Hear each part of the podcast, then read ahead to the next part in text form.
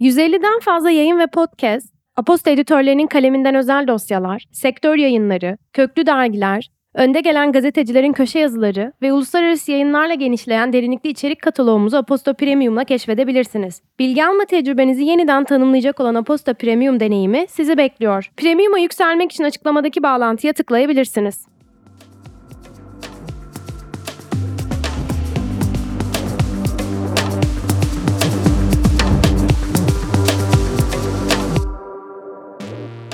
Keşif Sineması'ndan herkese merhaba. Ben Emre Eminoğlu.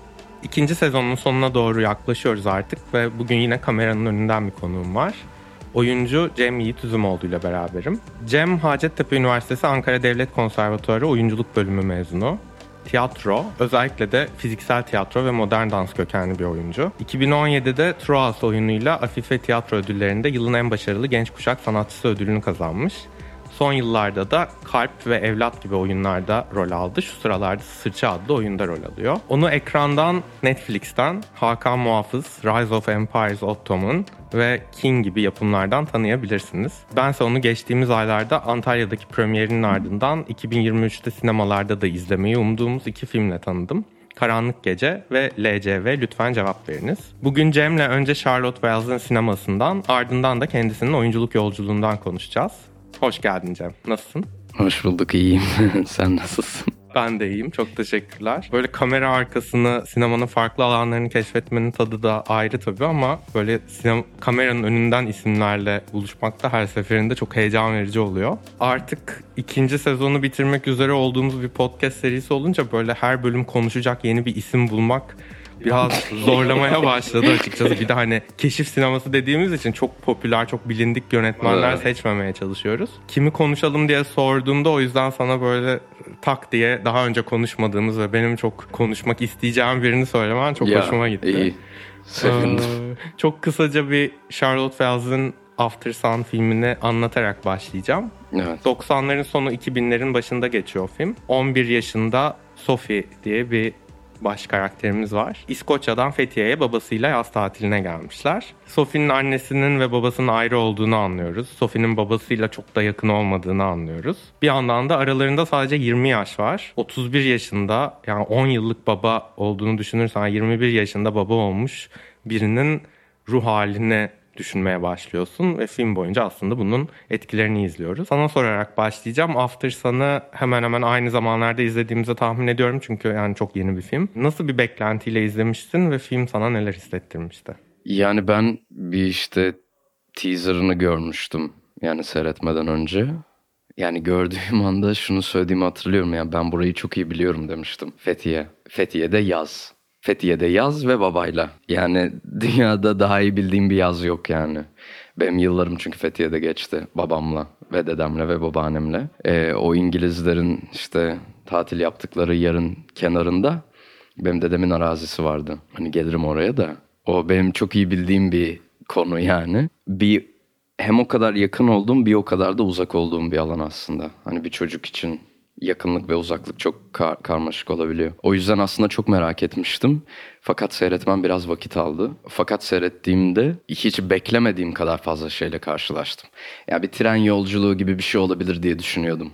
Hani herhangi bir tren yolculuğu, bir yolculuk filmi gibi olabilir diye düşünüyordum ama aslında bir tren yolculuğundan daha hem sade hem de aslında o kadar da derin olduğunu gördüm. O yüzden beni çok etkilemişti film. Sonra işte hani seninle konuşurken de ben hani sana da hani yazmıştım. Yani ben bir film eleştirmeni değilim. Ben bir şeyi eleştirmek ya da bir şey üzerine bir yorumda bulunmak istemem. Fakat sonra ne ne olabilir ne olabilir hani kim olabilir diye düşündüğümde o geldi aklıma. Daha öncesinde de bahsettiğim işte bu bir oyunculuk atölyesi meselesinde sürekli böyle geriye dönüp işte geçmiş ve çocukluk falan bilmem neleri böyle incelediğimiz bir yerde After Sun geldi aklıma. O yüzden de dedim ki Wells abla olsun bari yani hani bu abla bu konuda deneyimli. bir de çok dürüst. O yüzden de hani o olsun falan dedim yani. Ben film ekimi sırasında bir pazar sabahı izlemiştim. Zaten tam böyle pazar sabahı izlenebilecek bir film bence. Ayvalık'ta ve Antalya'da gösterilmişti. Film ekiminde de ben son gösterimini falan izledim hmm. sanırım.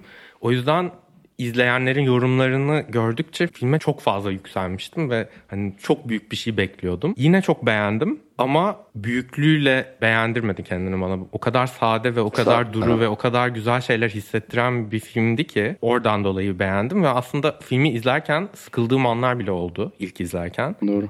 Etkisi çok sonradan gelen bir film. Hani tam o Yusuf Atılgan'ın işte sinemadan çıkmış insan dediği gibi bile değil. Böyle bir 15-20 dakika sonrasında artık böyle çıkmışım şeyde izlemiştim. Nişantaşı'nda Stiz'de izlemiştim. Asansörde aşağı inerken asansörde birden böyle bir iki sahne ve benim geçmişimden çok benzer sahneler birden ve eşleşince asansörde ağlamaya başladım. Ve Teşvikiye sokaklarında ağlayarak dolaştığım bir yarım saat falan oldu bir anda. Ya biraz sanırım filmin Türkiye'de geçmesinden de dolayı yani seninki kadar Fethiye'de geçmiş bir çocukluğum ya da Fethiye'de geçmiş yazlarım olmasa da yine de çok tanıdık geliyor yani. Hani Doğru. benim de annem ve babam ayrıydı ve annemle çıktığım tatiller vardı. Babamla çıktığım tatiller vardı ve bunların arasında bariz farklılıklar vardı benim için. O tatillerden çok fazla iz buldum ve o izleri hem kendi duygularımla hem de işte Charlotte Wells'ın sinema diliyle eşleştirince böyle çok büyük bir duygu birikimi hissediyorsun. Biraz acıya yakın bir duygu birikimi Öyle. hissediyorsun ve hani o, o ağladım dediğim anlarda büyük ihtimalle o duygu birikiminin boşalmasıydı. Film kayıt altına almakla ve anıları o kayıtlar üzerinden okumakla çok ilgili. Senin var mı böyle geçmişle bağ kurmanı sağlayan fotoğraflar, video kayıtları? Var. Yani çok fazla yok ama var. Daha çok vardı ama bir gün hard diskim çalışmadı ve hani geçmişteki bütün fotoğraflarım gitti. Her şeyim gitti. Analoğun gücü diyoruz. Her Güzel şeyim gitti yani. Aynen. Ama çocukluğumdan kalan işte hani annemde ve babamda olan fotoğraflar var. Ama onun dışında e, hani işte ilkokul, ortaokul, işte lise zamanlarındaki bütün her şeyim gitti tabii ki. Yani. Ya da üniversite zamanlarındaki her şeyim gitti. Yönetmenin aslında çok otobiyografik bir hikaye olduğunu anlıyorsun biraz röportajlarını işte film hakkında okudukça. Aslında filmde de Sophie'nin 20 yıl sonradan geriye dönüp o video kayıtları izlerken aklında canlanan böyle sahneler olduğunu Evet. anlıyorsun bütün filmin. Sen peki o fotoğraflara mesela geri dönüp baktığında ya da o işte video kayıtları varsa video kayıtlarına baktığında bütünü hatırlıyor musun yoksa Parçalı biraz. değil mi? Parçalı. Yani anılar zaten parçalı. Bütünü hatırlamak çok imkansız da. Parçalı olan şeylerde bile hatırladığın şeylerin ne kadar gerçek olup olmadığını da bilmiyorsun. Yani ne kadarını sen öyle hatırlıyorsun, ne kadarı gerçekten öyleydi onu bilmiyorsun. Benim filmde en hoşuma giden şey de aslında bir şeylerin hatıra olmuş olmasıydı. Tabii ki bir geçerlilik buluyor seyrettiği şeylerden. Çünkü o anda olan şeyler. Ama bir şeye baktığında o sana bir şey hatırlatıyor. Yani ne bileyim ben bunu buna baktığımda mesela işte kalemle onu boyadığım şeyi hayal meyal hatırlıyorum. Ya da onu öyle hatırlamak istiyorum belki. Onun gerçek olup olmadığını bilmiyorum ama öyle hatırlamak istiyorum. Neyin gerçek neyin ol değil olup olmadığını bilmiyoruz aslında. Sophie'nin hatırladığı şeyin ne kadar gerçek olup olmadığının bir önemi de yok aslında. Önemli olan hatırladığı şeylerin ne olup olmadığı. Ve bunları hatırlıyor. Babasıyla geçirdiği bu tatili hatırlıyor. Ve geçirdikleri tatil özel bir tatil. İyisiyle kötüsüyle yaşadığı her şeyiyle.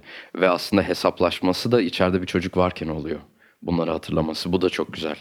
Yani bunu yönetmen şöyle de yapabilirdi. Bir kadın tek başına bir gün bunu hatırlar. Bu da olabilirdi ama bir çocuk varken o evde hatırlıyor çocukluğunu. Bir, bu da güzel.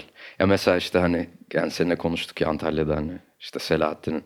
Selahattin'in ödül konuşması geldi mesela şimdi aklıma. Hani bir çocuğu olduğu zaman ölüm korkusunun nasıl bir şey olduğunu anladığını söylemişti. Hani bir şey olduğunda aslında bize başka şeyleri hatırlatıyor. İşte Selon'un çocuğu olduğu zaman başka korkuları barındırıyor. Bünyesine geliyor bütün korkuları. Wells'in sineması da biraz böyle aslında. Hani otobiyografik olması o anlamda bence çok çekici yapıyor yani onun sinemasını. Onun sinemasına girmişken biraz o zaman geriye gideceğim. Sen de kısa filmlerini Hmm. izlediğini söyledin. Üç tane kısa filmi var. Ben Tuesday'i ve Laps'i izledim. Ben de. Biri 2015 yapımı, biri 2017 yapımı. Orada da bu çok otobiyografik oluşu dikkatimi çekti. Zaten hani Tuesday'de yine bir babanın ardından hatırlanan şeyler üstünden ya da bir babanın kaybının hemen sonrasında geçen bir şey. Laps'te biraz daha hani o aile ilişkilerinden biraz daha kopuk ama e, hani o yaşlarda bir kadın olmayı simgeleyen, gösteren bir film. Bir de kendine çok benzeyen oyuncular seçmiş. Doğru. O yüzden de hani o otobiyografik oluşu biraz oradan da vuruyor. Doğru. Mesela kısalarını izlediğinde ne düşündün mesela yani hani After Sun'ı çekmiş insanın bunları çektiği yani aralarında bir bağlantı bir bütünlük kurabildin mi? Yani Labs'le bir bağlantı bütünlüğü kuramadım. Labs'le bağlantı bütünlüğü yüzme meselesi üzerinden biraz kurabildim ve bir kadının bir, bir metropolde yaşadığı şeyleri hani bir erkeklerle ya da hani oradaki o society ile toplumla olan ilişkisi içerisinden bir bağlam kurabildim ama hani o bağlam da bir yönetmenin kendi kişisel şeydi.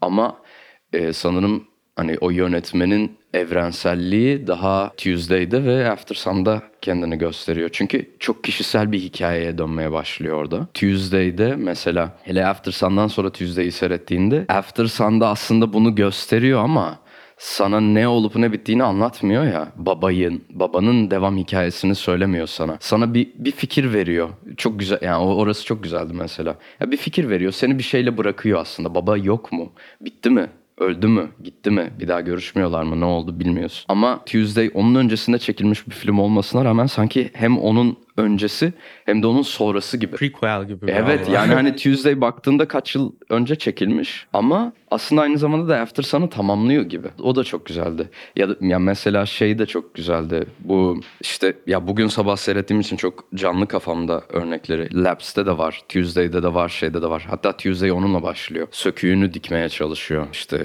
böyle örgü bir işte üstünde bir, bir şey var yani Ye- yelek değil de bir işte bir şey yani kazak. Onu dikmeye çalışıyor kız. Dikerek başlıyor. Aynı şey Labs'te de var. Metroda tam böyle arkadan tacize uğrarken çok kısa bir noktada şeyi görüyorsun. Böyle burasında bir yırtık var ve bu yırtıktan kolun altındaki kıllar görünüyor. Fakat bende şey şey ilgimi çekti.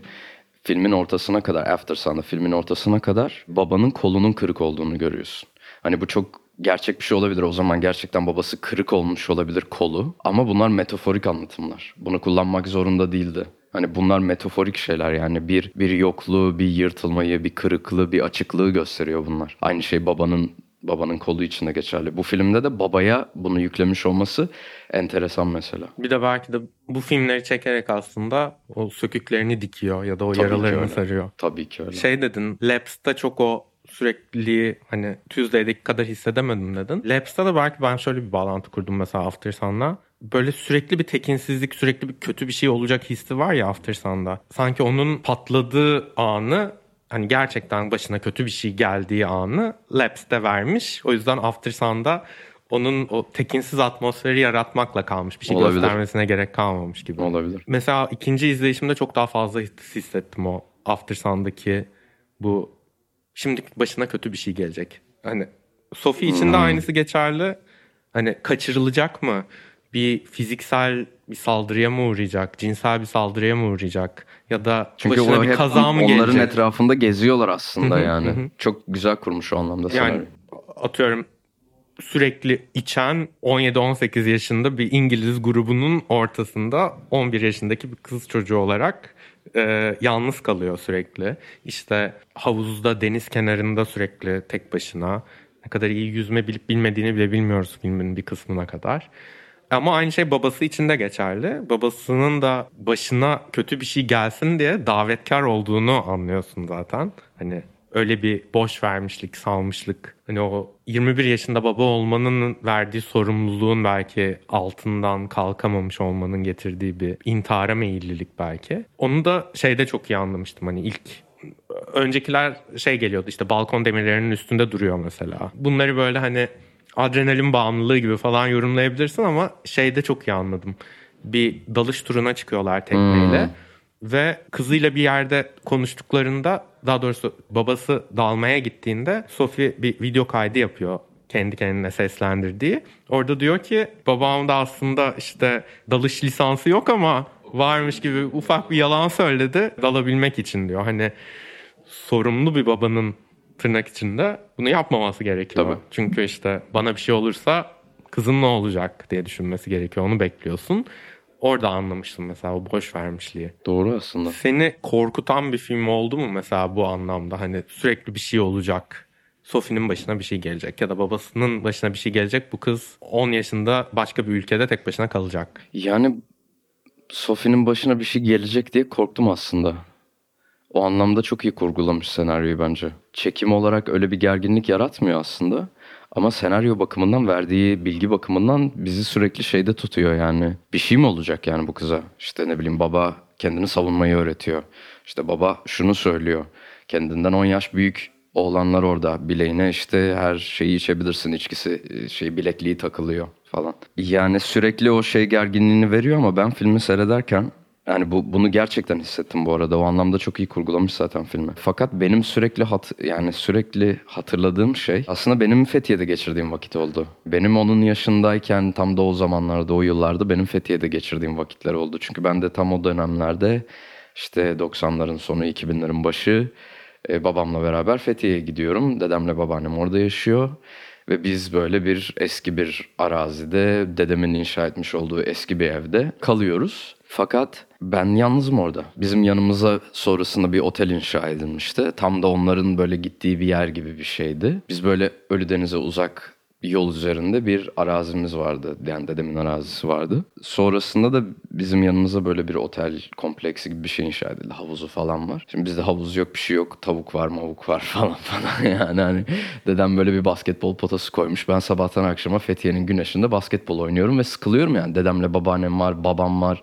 İletişim kuramıyoruz. Hani yani 10 yaşında 11 yaşında çocuğun iletişim kurabileceği bir ortam yok yani. Ve ben çok kıskanırdım onları yan tarafta işte çocuklar, gençler takılırlar. İngiltere'den gelmiş işte ayrıcalıklı tipler. Gelirler, içerler, şey yaparlar, güneş kremlerini sürerler, oraya da giderler, bunu da yaparlar. Ben öyle şeye Baba Dağı'na keçi boku toplamaya giderim. Onlar böyle havuza girerler falan falan. Böyle sürekli onları getirdi aklıma. Ya da benim babamla olan iletişimsizliğimi getirdi aklıma.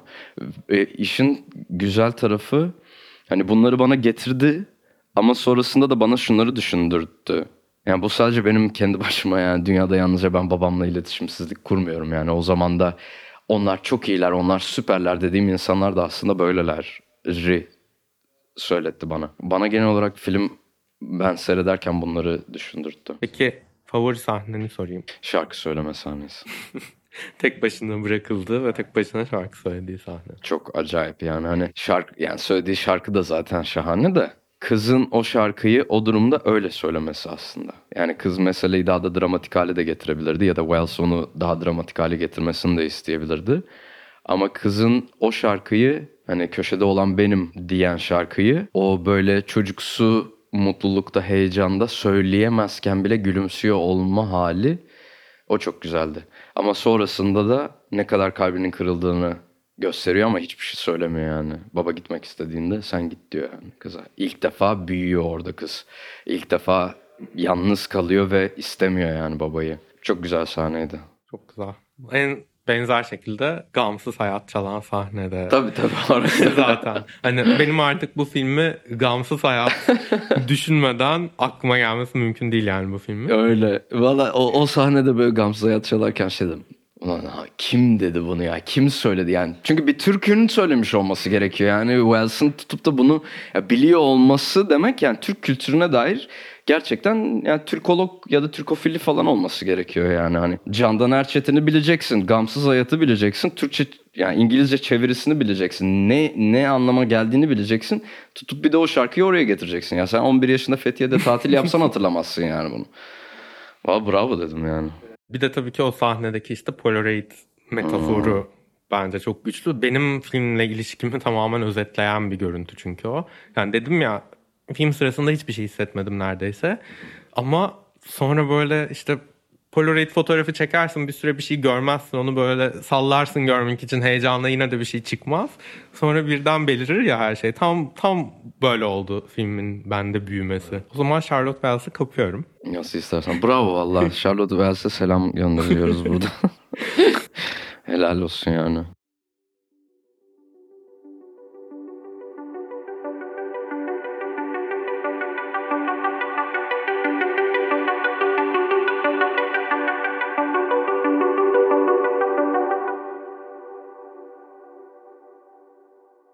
Keşif sinemasının ikinci yarısına geçmeden önce eşya bölümüyle kısa bir mola veriyoruz. Bildiğiniz gibi her bölümde konuğumdan yanında kişisel bir eşya getirmesini ve onun hikayesini anlatmasını istiyorum. Cem sen ne getirdin bize?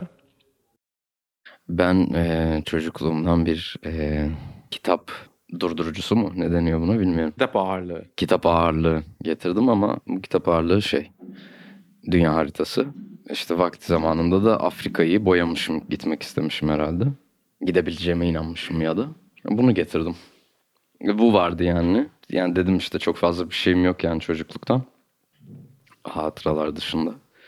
Ee, bunu buldum bunu getirdim. Afrika dışında İtalya'da boyanmış. İtalya'da boyanmış. Boya, yani bunu işte boyadığım zamanı hatır yani hatırlıyorum biraz. Afrika boyanmış. Sonra silmeye çalışmışım herhalde. Buralarını işte kaldırmışım. Kesinlikle dünyayla alakası olmayan bir harita. Yani böyle Türkiye şey gibi görünüyor. Yani Türkiye diye yani bir şey var da nasıl bir şey bilmiyorsun. Anatolia ve Manisa var mesela. Ee, Avrupa'da çok enteresan. Genel olarak dünyanın dünyayla ilişkisi olmayan bir harita. Ama yani o zamandan gitme isteğimi gösteriyormuş. Çocukluğumda benim de atlaslarla ve böyle yer kürelerle çok yakın bir ilişkim vardı. Sürekli onlar üstünde bir şeyler yapar, haritalar karıştırır, atlası okur, işte hayaller kurardım. Demek ki o da evrensel bir şey belki. Tabii ya gitme isteği, kaçma isteği, merak işte. O zaman bu kadar hatıralara daldıktan sonra şimdi seni tanıdığımız bölüme geçiyorum.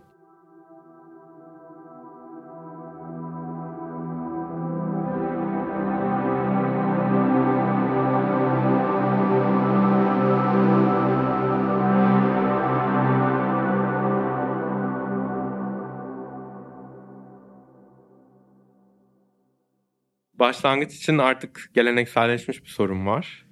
Çocukluğun nerede geçti ve sinemayla nasıl tanıştın diye soracağım. İşte izlediğini hatırladığın, sende iz bıraktığını düşündüğün ilk filmler nelerdi mesela?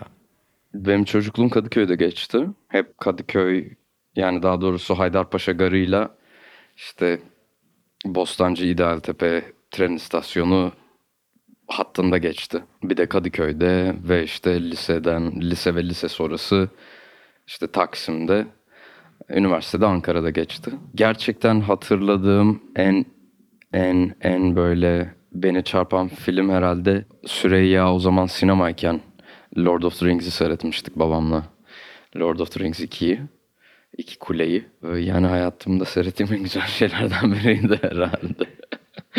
Sonra tekrar seyrettim. Tabii aynı etki olmadı ama kesinlikle seyrettiğim en muhteşem şeylerden bir tanesiydi yani. Süreyya sinemasında Lord of the Rings 2'yi seyretmek acayip güzeldi. Ee, sinemayla herhalde ilk tanışıklığım.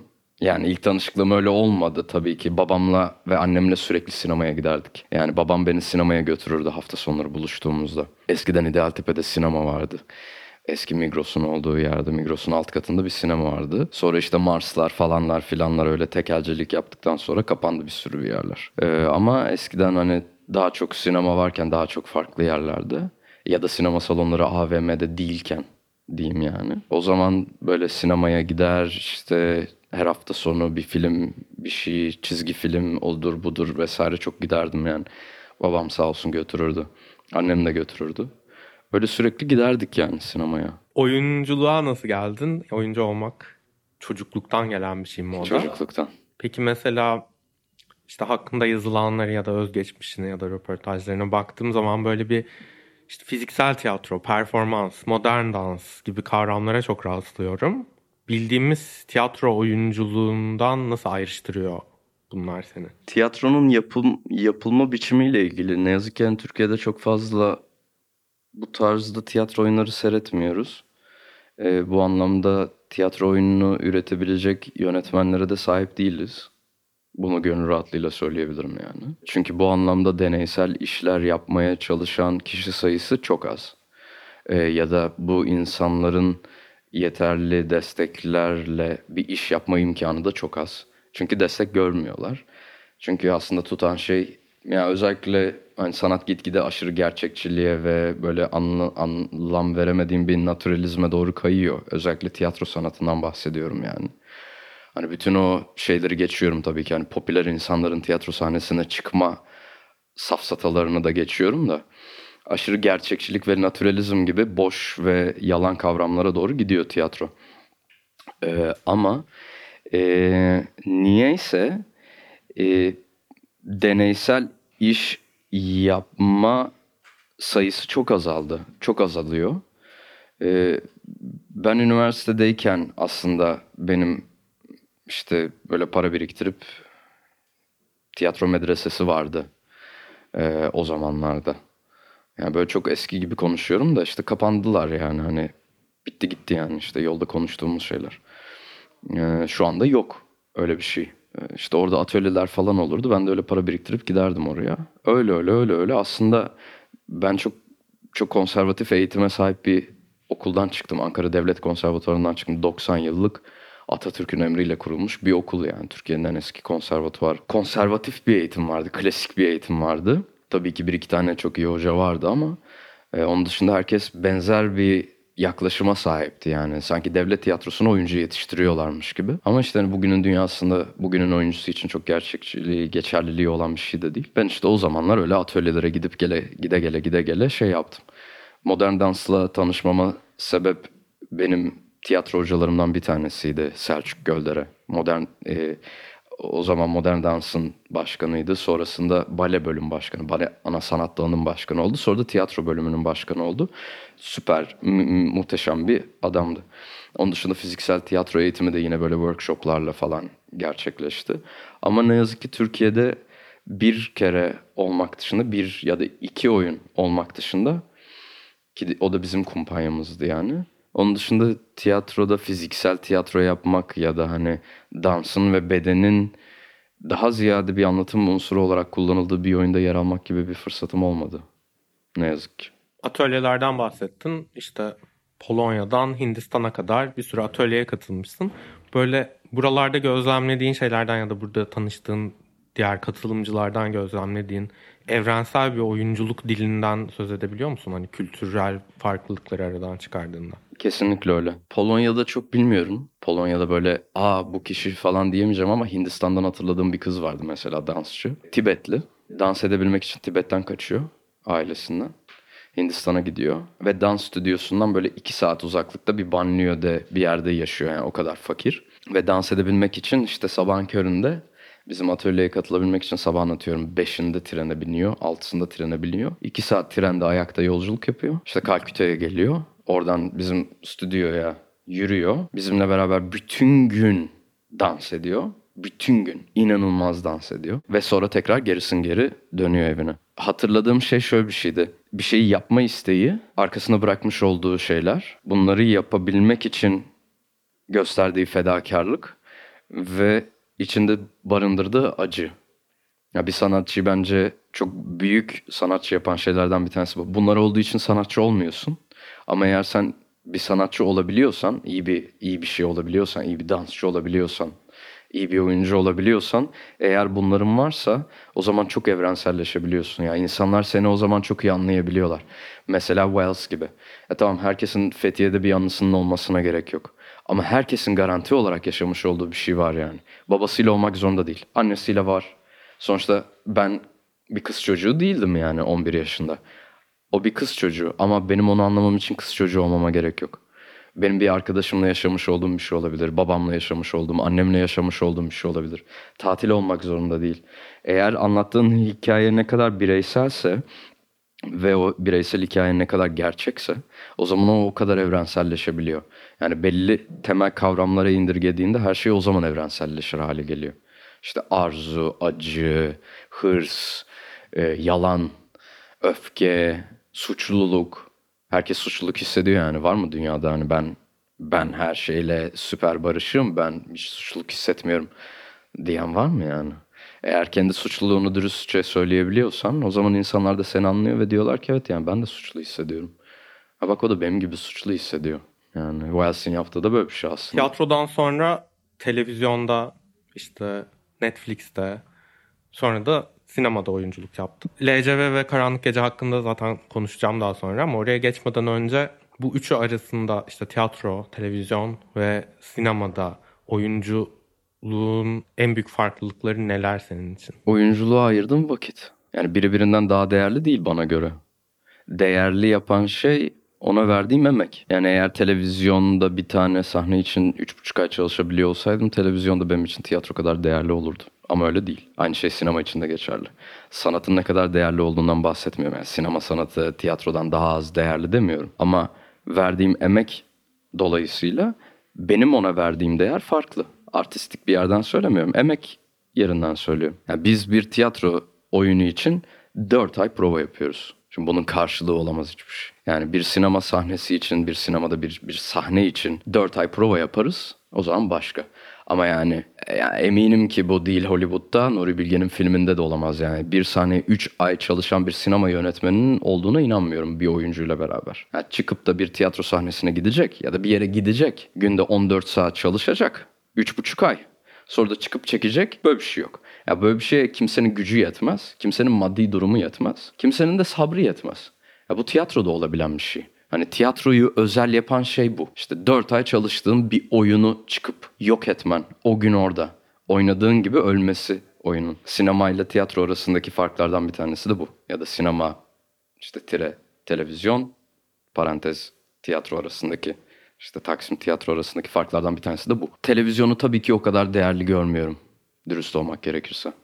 Gerçekten o kadar değerli görmüyorum. Çünkü televizyonun yalnızca şirketlere hizmet eden, reklam sektörü için var olan ve popülerite ve toplumda bir yer inşa etmeye çalışan, işte insanları şekillendiren bir bir e, bir propaganda aracı olduğuna inanıyorum. Herkes propaganda yapmak zorunda değil tabii ki. E, ya da televizyonda çalışan insanların yaptığı işi kötülemiyorum. E, ama televizyonun varlığının %90 şekliyle bu şekilde yani %90 olarak bu şekilde kullandığını hepimiz biliyoruz yani. Bugünün Roma Kolezyumu gibi düşün. Yani işte o zamanlar da aslanlar salınıyordu. Bugün de işte Instagram ünlüleri, işte sonradan olma aktörler, işte sonradan olma popüler tipler, e, aktörlüğe ve bana göre hayata dair gerçekten fikri olmayan insanların böyle yer aldı ve insanların da onları gerçekten çok önemli insanlar zannettikleri bir bir şeye dönüştürülüyor. Ya bir balon oluyor yani. İşte sen kendi vaktini geçir. Akşamını geçir yani. Tutup da gazete okuma. Tutup haberleri seyretme. Düşünme. Hani boş kalma. İşte Instagram'ın varlığı da böyle bir şey yani. Bütün sosyal medyanın vesairenin. Televizyonun varlığı da böyle bir şey. Sen git kolezyuma. Rahatlan. Rahatla. Arındır kendini. İşte kendince o günlük katarsisini yaşa. Hiçbir şeyi dert etme. Çünkü hayat güzel gidiyor. Biz senin dert etmen gereken şeyleri dizi olarak yapıyoruz zaten. Hiç merak etme diyor yani. Ee, biz de seyrediyoruz. Biz de o reklam veren ürünlerin ürünlerin yani reklam veren şirketlerin ürünlerini satın alıyoruz. Böylelikle aslında sistemi destekleyen biz olmuş oluyoruz. O yüzden bana televizyon tabii ki çok değersiz geliyor. Yani eğer yaptığım şeyin televizyonda politik bir anlamı yoksa ki bugün olması gerçekten çok zor. Ee, bana bana çok e, para kazanmak dışında ve bir popülerliğe erişmek dışında bir anlamı varmış gibi gelmiyor. Bunlar tabii ki önemli şeyler yani tanınmak güzel bir şey, para kazanmak tabii ki güzel bir şey. Ee, ama yani bana artık e, benim midemi bulandırıyor bunlar. Yani para kazanmak değil ama e, bunun bir parçası olmak midemi bulandırıyor. Aynı yıl iki filmle hem de işte Antalya'da premierini yapan iki filmle sinemaya bir geçişin oldu. Bir de kalkıp bir tanesiyle ödüllendirildin. O da çok güzel bir şey olmalı. Şeyi soracağım şimdi Karanlık Gece ve LCV ikisini de aynı sene izledik ama prodüksiyon olarak ya da prodüksiyon öncesi olarak bunlardan hangisinin sana gelişi daha önce oldu? Karanlık Gece çok önceydi. Karanlık Gece 3 yıl önce falandı. Benim ilk yaptığım Pandemi filmdi. öncesi yani. Tabii tabii. Bayağı eski Karanlık Gece aslında. Yani Emin Alper filmi çekmeden 2-3 yılı falan 2 yılı var yani Karanlık Gece'nin. Pandemi girmeden önce işte o Özcan kurgusunu yapıyordu. Hatta şöyle söyleyeyim. Pandemiden önce bitirdik herhalde filmi. Yanlış hatırlamıyorsam. Pandeminin başlangıcında o zaman işte Beyoğlu'nda oturuyordum ben. E, Özcan aradı bir, bir sahneyi tekrar çekmemiz gerekiyor dedi. İşte olmadı bir şey oldu bilmem ne falan. Biz pandeminin olduğu o ilk kış işte Mart ayında mı girmiştik pandemiye? Mart'ın hemen sonunda mıydı öyle bir şeydi. O kış tekrar gittik Berkay'la. Antalya mıydı işte Isparta'ya. O nehir suyuna girdiğimiz sahne o yılın kışında çekildi tekrar. Yani o, o sırada kurguyu yapıyordu ama tekrar işte öyle bir ek sahne yani o sahneyi tekrar çektik ve işte kurguya devam ediyordu işte müziğiydi, sesiydi, kalırıydı vesairesiydi. Çok uzun sürdü. Pandemi girdi, festivaller iptal oldu. Aslında bir yandan da Özcan'ın şanssızlığına da denk gelmiş oldu yani. Hani istediği vakitte çıkaramadı çünkü filmi. İşte pandemisiydi, işte montajın uzunluğuydu vesairesiydi falan. E, Karanlık Gece çok, çok öncesinden çekildi. Karanlık Gece'deki karakterin böyle doğayla zaten mesleği gereği de çok iç içe olan bir karakter. Senin doğayla ilişkini biraz yansıtıyor diyebilir miyiz yoksa? Yansıtıyordu ben onun kadar deli değilim. ya gerçi ben de deliyim de yani doğayla ilişki konusunda. Ama yani tutup da bir dağın tepesinde tek başıma yaşayabilir miyim? Yaşayabilirim belki belli olmaz. Biraz herhalde insanın kendini hayatta o anda nerede bulduğu ve neyden kaçmak istediğiyle de ilgili olabilir. Yani mesela ben onu çekerken ha, Ali karakteri işte oraya kaçıyor tabii ki. Yani filmde bunu anlatıyor. Yani film bunu anlatmıyor da yani film bunu işliyor. Onu çekerken bunu düşünmüyordum ama yani bu geçtiğimiz yıl yaşadığım bazı şeylerden ve benim yapmak istediğim bir tane seyahat vardı. İstanbul'dan Artvin'e benim atalarımın doğduğu yere e, yürüyerek gitmeyi istiyordum ve ben ekipmanımı tamamlamıştım. E, yani yola çıkmak üzereydim. Fakat çıkmadım. Beni tutan bir şey vardı yani ve çıkmadım. E, çok korkuyordum. Çünkü yürüyerek gidecektim. İşte 1300 kilometreden fazlaydı. E, yaklaşık böyle iki buçuk ayımı falan boş bırakıp İstanbul'dan yürüyerek çıkıp işte Şile'ye gidip Şile miydi? Ava'ya çıkıp işte oradan böyle yürüyecektim bütün Karadeniz'i. İşte bütün rotamı belirlemiştim. Sen dedin ya hani Atlas okuyordum diye. Bende bir Karadeniz haritası var. Batı Karadeniz'den Doğu Karadeniz'e kadar en küçük köy yolunu görebileceğin Atlas dergisinin haritası. Böyle görsen yani inanılmaz güzel bir harita. Kocaman, devasa. İşte yok yürüyüş şeyimi aldım, ekipmanlarım tamam. İşte iki don, iki atlet, yani iki tişört işte bir tane short falan o kadar az. İşte tüpümü aldım, bilmem neyimi aldım, her şeyim hazır. Çıkmadım yola. İyi ki de çıkmadım. Çünkü aslında beni yola çıkaran şey yalnızca o yolu yapmış olmayı istemem değil de aslında kaçmayı istediğim çok temel bir şey var. Ee, ama iyi ki de çıkmadım o yola. Yani aynı, yani benzer tabii ki kafalara sahibiz. İşte hani orada oynadığım karakterle. Ama ben onu yapmadım yani. Çünkü ben bu Karadeniz turunu yapmış olsaydım kesin başıma bir şey gelirdi. Mesela ben üç buçuk yıldır psikanaliz yapıyorum. Ee, analistimin sorduğu sorulardan bir tanesi şeydi ben ayılardan bahsediyorum ona. Çünkü ayı diye bir faktör var Karadeniz'de. Kurt, ayı, domuz gibi faktörler var. E, yanıma şimdi benim kuru sıkı tabancam var da yani tabancamı alamam. 2 kilo tabanca yani. Benim çantamın 8 kilo olması lazım ki yürüyebileyim günde 40 kilometre. 2 kilo koyamam yani yanıma sırf bir ayıyı korkutacağım diye. Ve uyuyamıyorum. Her gün rüyamda ayı görüyorum. Ayılara karşı ne yapmam gerekiyor onları seyrediyorum. Kitap okuyorum. İşte ayı gördüğünde nasıl müdahale edilir yani bir ayı saldırınca nasıl yapar ve ben sürekli rüyamda bunları görüyorum. Ve tabii ki yani psikanalizde de anlatıyorum.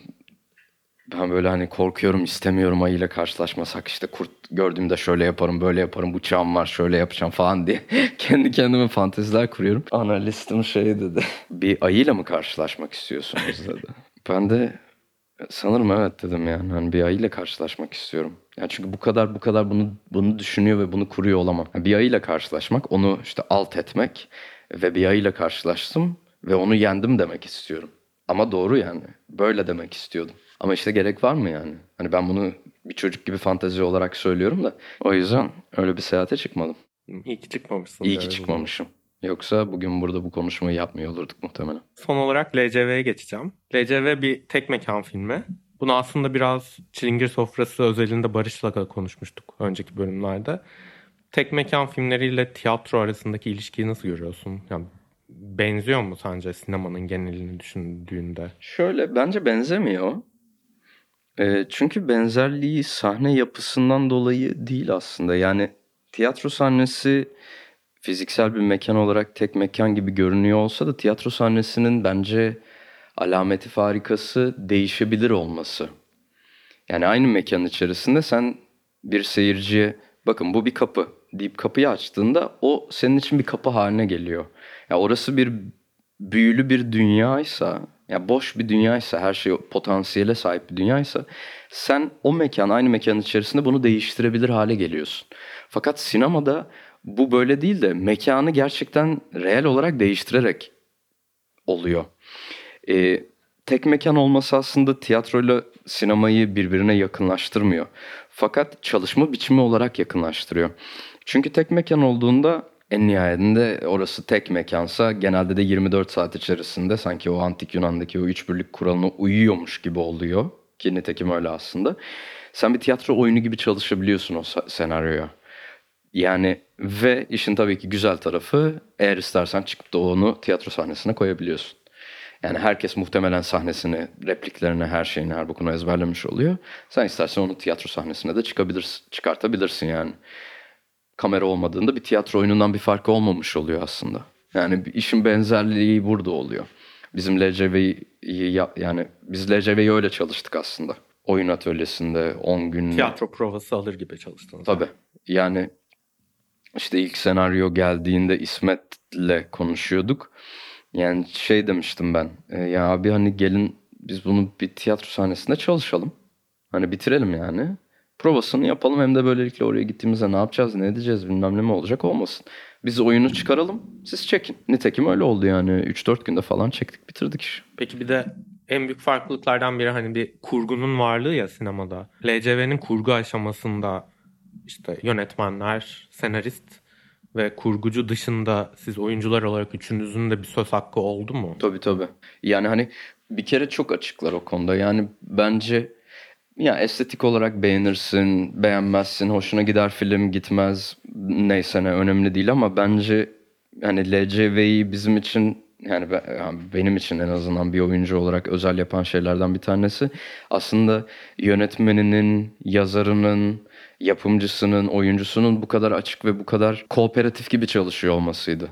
Yani herkesin yaptığı bir iş var ama herkes bir başkasının yaptığı işte bir şey söyleme hakkına sahip ve kimse de tutup da sen kimsin lan kardeşim falan triplerine girmiyordu. Yani işte biz yani tabii ki tutup da görüntü yönetmenine açı vermiyorsun. Ama yani ya bak hani böyle bir şey var diyebilirsin ve bu çok söylendi. Yani senaryoda böyle bir şey var. O dedi, o dedi, o dedi, o dedi. Yazar geldi, erdi işte. Bunu söyledi, İsmet bunu söyledi, biz bunu söyledik, Melisa bir şey söyledi. Ve gerçekten söylenilen şeyin tabii ki bir değeri var doğru ya da yanlış ama eğer hele doğruysa ve e, hele o karşındaki insan bunu böyle öznel bir yerden kendi gururu gururuna şey yapmıyorsa, gururu okşanmıyorsa, kendini aşağılık hissetmiyorsa yani söylediği şey doğru olduğu için o zaman hele bir de bunu değiştiriyorsa o zaman tadından yenmez bir şeye dönüşüyor. Çünkü takım oyunu haline geliyor. Yani Özcan'ın filmin filmi için mesela bunu söyleyemem. Yani bir yazar var. Yazar yazarı olarak işini yaptı. Yönetmen yönetmenliğini yaptı. Biz oyuncu olarak oyunculuğumuzu yaptık. Tabii ki hani tabii ki bir ilişki oldu. İşte o da söyledi, bu da söyledi vesaire vesaire ama yani herkes kendi işini bireysel olarak yaptı ve ortaklaşa bir şey çıktı. Ama burada ortaklaşa gerçekten işi yaptık. Yani bir takım oyunu gibiydi. O bana çok özel hissettirdi. Ya mesela tiyatroya en en çok benzeyen şeylerden bir tanesi de bu oldu. Tiyatroda da böyle çünkü. Yani sen bir oyuncu olarak diyorsun ki yönetmene ya dur bir saniye yani ben şunu bir yapayım. Ya bak burada senin görmediğin bir şey var. Yönetmen de diyor ki evet ya haklısın. Çünkü oyununun iyi olmasını istiyor. Yani o gün seyircinin gördüğü şeyin iyi olmasını istiyor. Aa insanlar bu oyunu ne kadar iyi yönetmiş desin diye demiyor ki yani. Bir de bu sene Türkiye'deki sinema üretimine baktığımda ben bir queer birey olarak bayağı mutluyum yani hani. Ama bir yandan bunlara baktığımda LCV'de işte filmi izlemiş olanlarla LCV'yi konuştuğum zaman filmde acaba problemli bir şey var mı diye konuştuğumuz oluyor. Çünkü işte çok gerilimli bir ortam. Bir düğünün 10 dakika öncesinde, 15 dakika öncesinde neredeyse geçiyor ve e, işte evlenen çiftin en yakın arkadaşı aslında damatla bir ilişkisi olduğu ortaya çıkıyor ve bunun üstünden ilerleyen bir film. Bu çok gergin anda herkes çok büyük bir baskı altında olduğundan ona göre konuşuyor ve ona göre şey yapıyor. Ve diyaloglarda işte cinsiyetçi şeyler de çıkabiliyor belki düşündüğünde. İşte homofobik şeyler bile çıkabiliyor düşündüğünde. Ama izleyicinin bir kısmı bunu cinsiyetçi ve homofobik bir film etiketi yapıştırabiliyor ama bir yandan da ben mesela o taraftayım.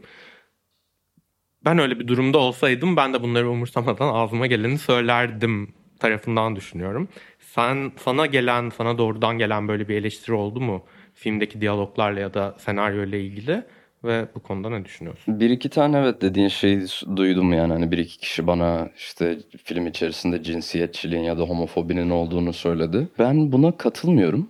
Çünkü bu bir eser. Yani biz bir eserin içerisinde homofobik bir şey söylüyor olmamız işin homofobik olduğu anlamına gelmez. Eğer biz homofobiyi destekler bir şey yapıyor olsaydık o zaman başka olurdu.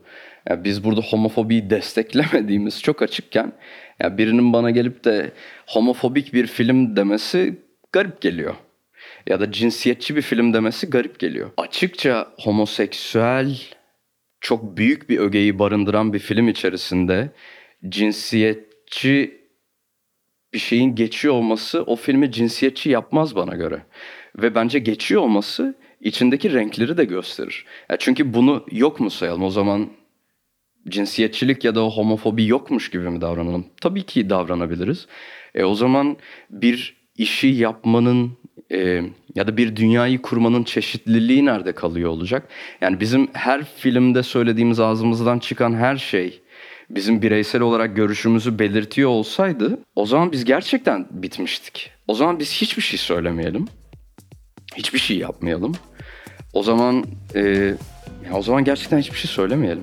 Cem çok teşekkürler geldiğin için. Keşif Sineması'nın bir sonraki bölümü, ikinci sezonun son bölümü olacak. Görüşmek üzere. Hoşçakalın. Görüşürüz.